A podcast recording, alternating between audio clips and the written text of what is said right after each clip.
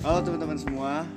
Selamat pagi, selamat siang, selamat sore, selamat malam Buat teman-teman semua yang ada di luar sana.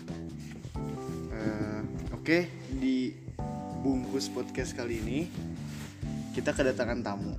Ya, mungkin tamunya beliau lebih mengerti tentang organisasi yang dibanding saya.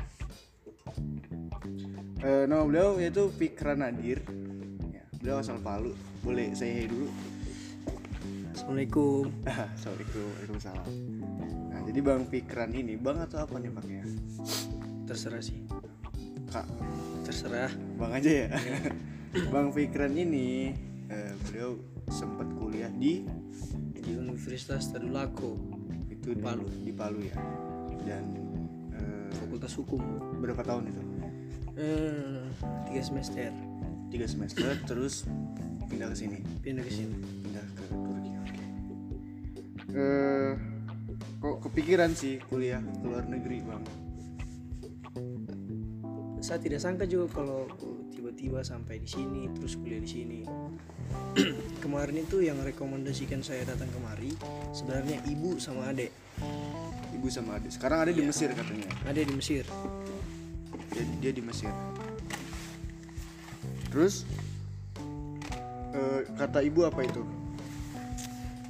Jadi kan di waktu di Palu kan saya terlalu asik berorganisasi. Sampai eh, nilai-nilai waktu kuliah dulu itu bukan hampir memang tidak ada. Memang tidak ada? Tidak ada. Tidak ada nilai? Ya tidak ada nilai. Jadi waktu itu kan satu dua gitu gak ada? Semester 2 sempat ada tapi kan sempet ya sempat ada tapi kan ya di bawah rata-rata lah tidak bisa diharapkan. Oke jadi pindah ke sini dengan harapan bisa ingin lebih serius Ya, karena kalau terlalu nyaman di rumah sendiri juga gimana ya? Takutnya kayak itu di zona nyaman oh iya iya juga sih semuanya ada. nah eh, sekarang ambil fakultas hubungan internasional Ya. dari hukum ke hubungan internasional beda gak sih itu Kalau itu sih jauh tentang itu saya tidak paham sih. Saya tentang korelasinya antara hubungan internasional dan hukum. Cuma ya gimana ya?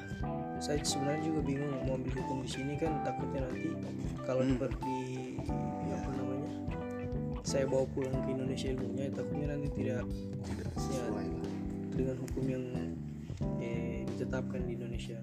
Tapi sebenarnya bisa-bisa saja sih, cuma saya lebih kepikiran, kepikiran untuk hubungan internasional karena eh, saya kan kuliahnya di terhitung luar negeri kan ya. Iya. Ya pasti luar negeri karena Turki kan. iya Jadi saya ambil hubungan internasional.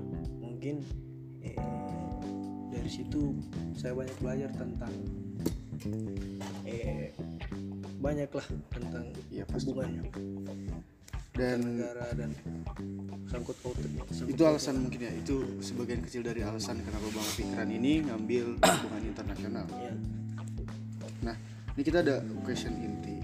Jadi pertanyaan inti yang memang menjulur ke judul podcast di, di episode kali ini yaitu kita kan nyari orang yang emang sebelumnya udah berorganisasi. Meskipun nggak sampai lulus ya pikiran tapi ya mungkin beliau keluar dari zona itu pun karena ada sebagian kecil alasan organisasi. Sebenarnya bukan tidak lulus sih. Saya posisinya di organisasi sudah di misioner Hmm, dan di organisasi Sispala saya pendirinya. Pendiri? Pendiri. Saya yang dirikan Sispala Madapala di Bandua Palu. Berarti emang tahu gitu ya cara membangunnya. Nah saya riset dari eh, sebenarnya bukan bukan riset juga sih disebutnya. Nah, dulu saya pernah ngalamin kayak organisasi gitu dan saya kayak mengamati.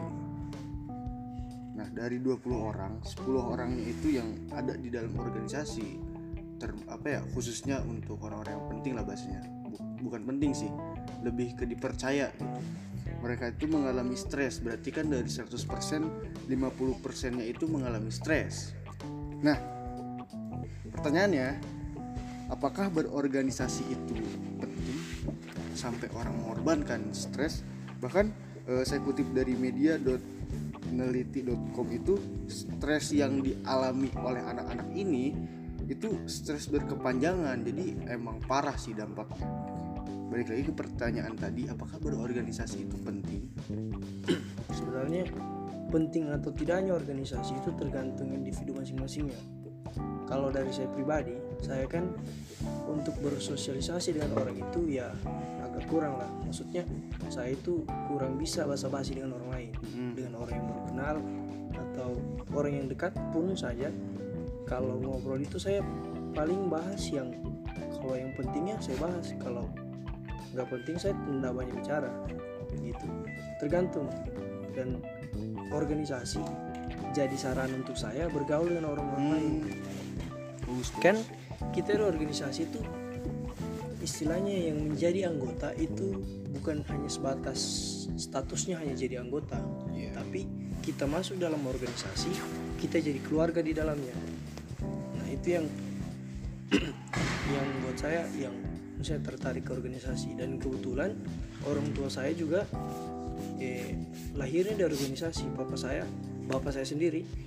Bapak saya itu pendiri teater Islam Dato Karama di UIN UIN Dato Karama Palu kemudian ibu saya juga berorganisasi adik saya pendiri teater 02 saya pendiri Sispalang Muda Pala jadi kita di Indonesia eh, lahir dari memang keluarga yang sudah berorganisasi. Iya, iya. mungkin dari darah itu mengalir ke kita sampai kita mau bergabung ke organisasi. Cuma dari pandangan saya sendiri kalau untuk berorganisasi itu tergantung dari individu masing-masing sih.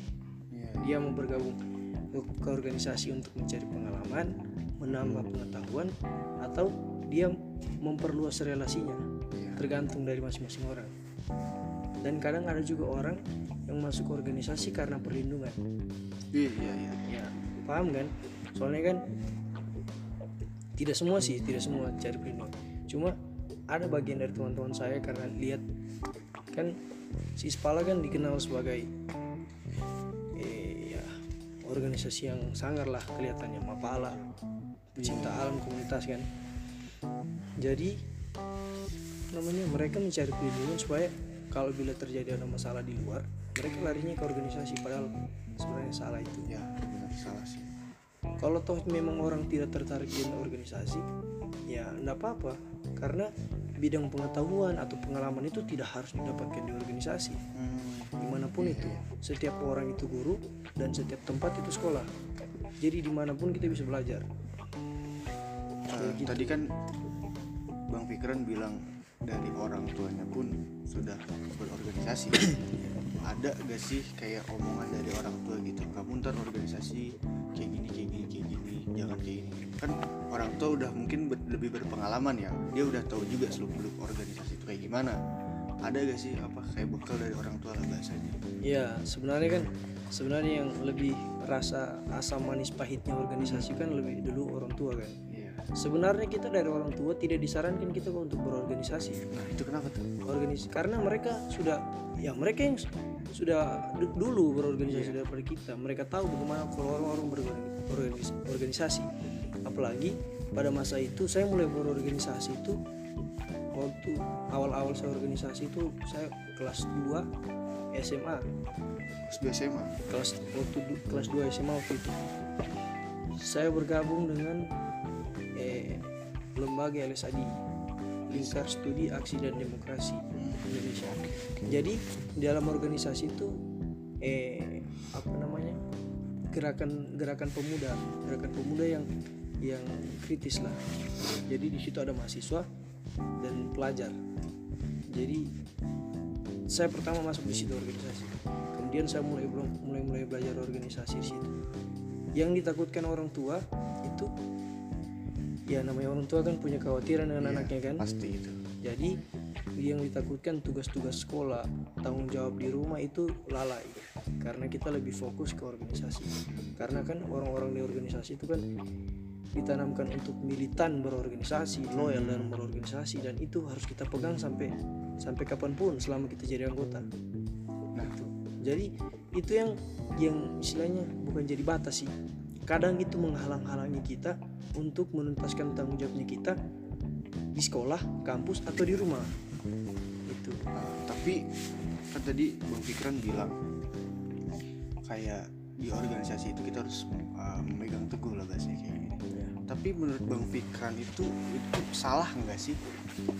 Kan kita juga di luar dari organisasi itu kita punya hak juga hak buat ke keluarga, hak kita buat ke mana-mana. Jadi ini bisa disebut salah nggak sih atau kayak gimana? salahnya ketika mereka tidak bisa menyelesaikan tanggung jawabnya di kedua sisinya pertama mereka dikasih tanggung jawab di rumahnya di sekolahnya atau di kampusnya itu Iya. tidak diselesaikan dengan baik. Kemudian diberi tanggung jawab di organisasi itu sama posisinya tidak tidak diselesaikan dengan baik. Jadi orang organisasi itu sebenarnya sudah diajarkan tentang manajemen manajemen waktu. Iya.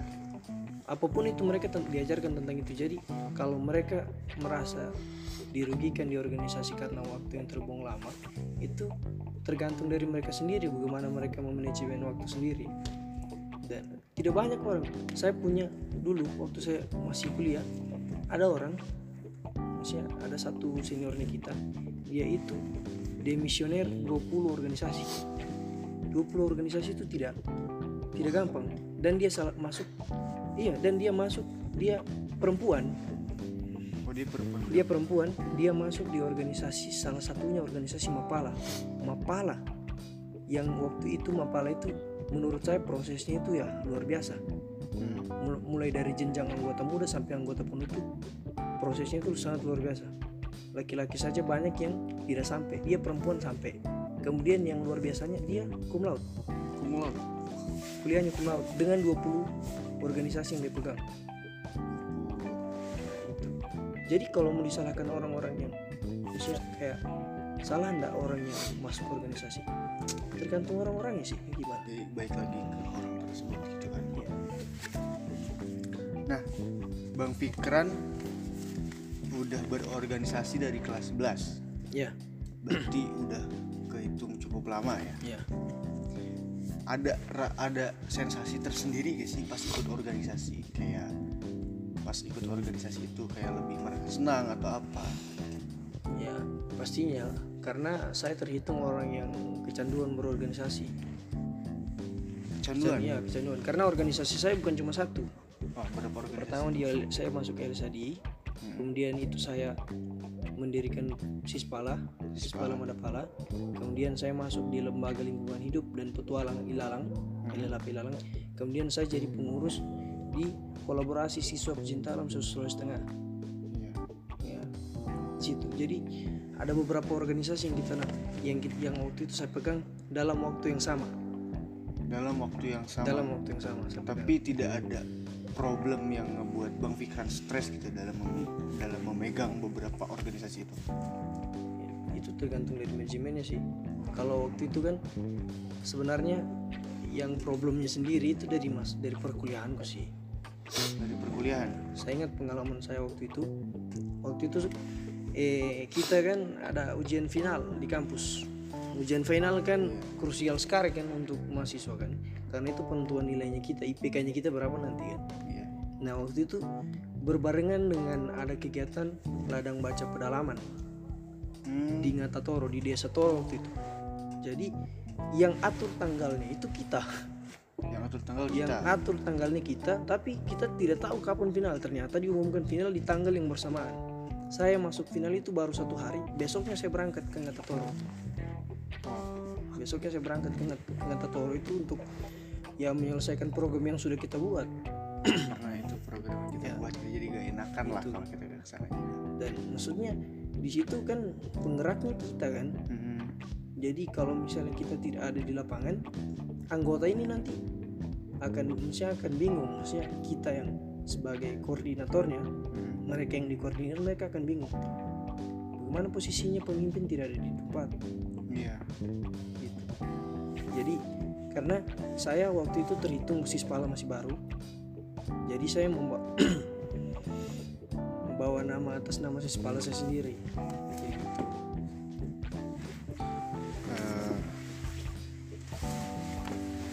Dalam organisasi pasti ada yang namanya tekanan. Ya, dan saya juga pernah ya, ya, ya. sekali. Eh, mungkin kalau bisa disebut saya ini masih masih biasa sih.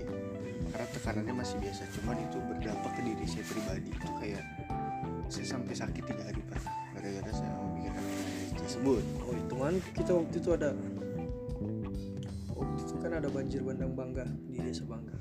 Iya. kemarin kita pegang uang 50 juta donasi Juta. serius dia masuk ke rumah sakit. Saya tipes. Itu kenapa? Bisa bisa sampai masuk rumah sakit dia tipes. Iya saya tipes teman saya masuk ke rumah sakit. Dia badannya mati kiri. Stroke ringan. Oh kemudian banyak parah itu. Ya banyak teman-teman yang badannya turun. Cimbangannya turun. Karena kita proses maksudnya dana tanggung jawabnya orang yang dibebankan ke kita itu harus disalurkan. Dan Iya. 50 juta itu kan harus dihabiskan jadi pengalaman kita kemarin ya gitu. Untuk tekanan sendiri maksudnya eh gimana ya? Masing-masing saya masing-masing tanggung jawab pasti ada resikonya ya kan? Iya. Tanggung jawab yang diberikan ke kita pasti ada resiko yang harus kita tanggung. Kalau kita sudah eh dari awal kita menerima tanggung jawab itu berarti kita sudah siap dengan segala kemungkinan yang akan datang. Iya sih. Jadi kalau untuk masalah tekanan ya teman-teman yang baru masuk organisasi atau mungkin berpikir ingin masuk organisasi pikirkan saja kalau setiap masalah itu akan selesai. Iya. Itu yang jadi kita yang selalu saya dan teman-teman tanamkan kalau setiap kita pegang tanggung jawab kalau kita selesaikan dengan baik maka semuanya akan berakhir dengan baik. Iya. Itu. Kalau tekanan toh sendiri itu? Kayak contohnya tadi teman saya sampai masuk rumah sakit saya sampai kena tipes. Hmm, ya karena itu. Bukan berarti menyesal kita terima tanggung jawab itu tidak sebenarnya senang kita eh, maksudnya dibebankan tanggung jawab karena orang percaya dengan kita iya pastinya. percaya. Ya tapi kita harus terima risiko.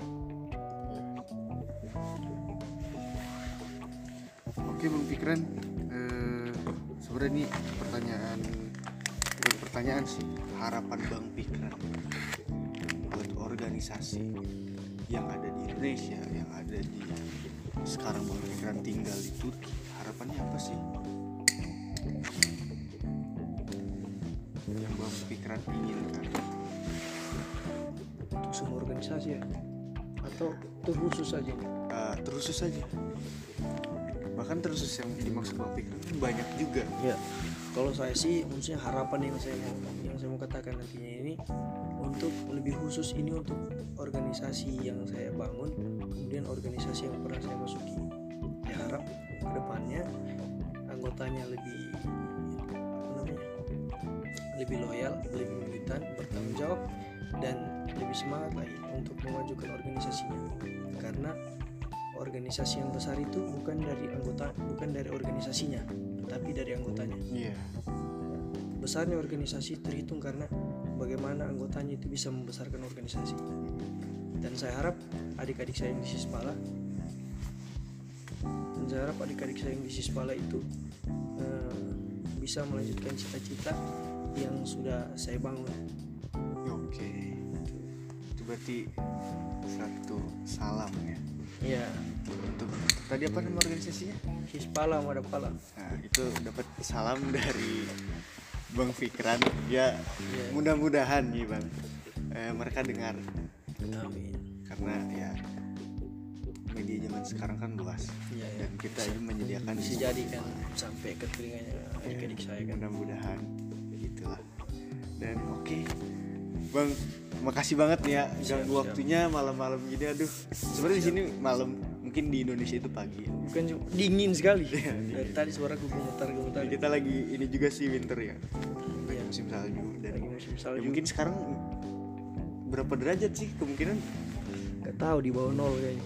minus ya? Kayaknya minus tapi ya minus sampai ke karena ada waktunya sekarang ya Iya, iya. karena siang tadi kan eh, Bang Pikiran ada urusan di KBRI dan saya juga ada urusan untuk teman-teman angkatan gitu jadi menemukan waktu yang pasnya itu emang cukup susah sih Iya. kayak gitu Oke oke.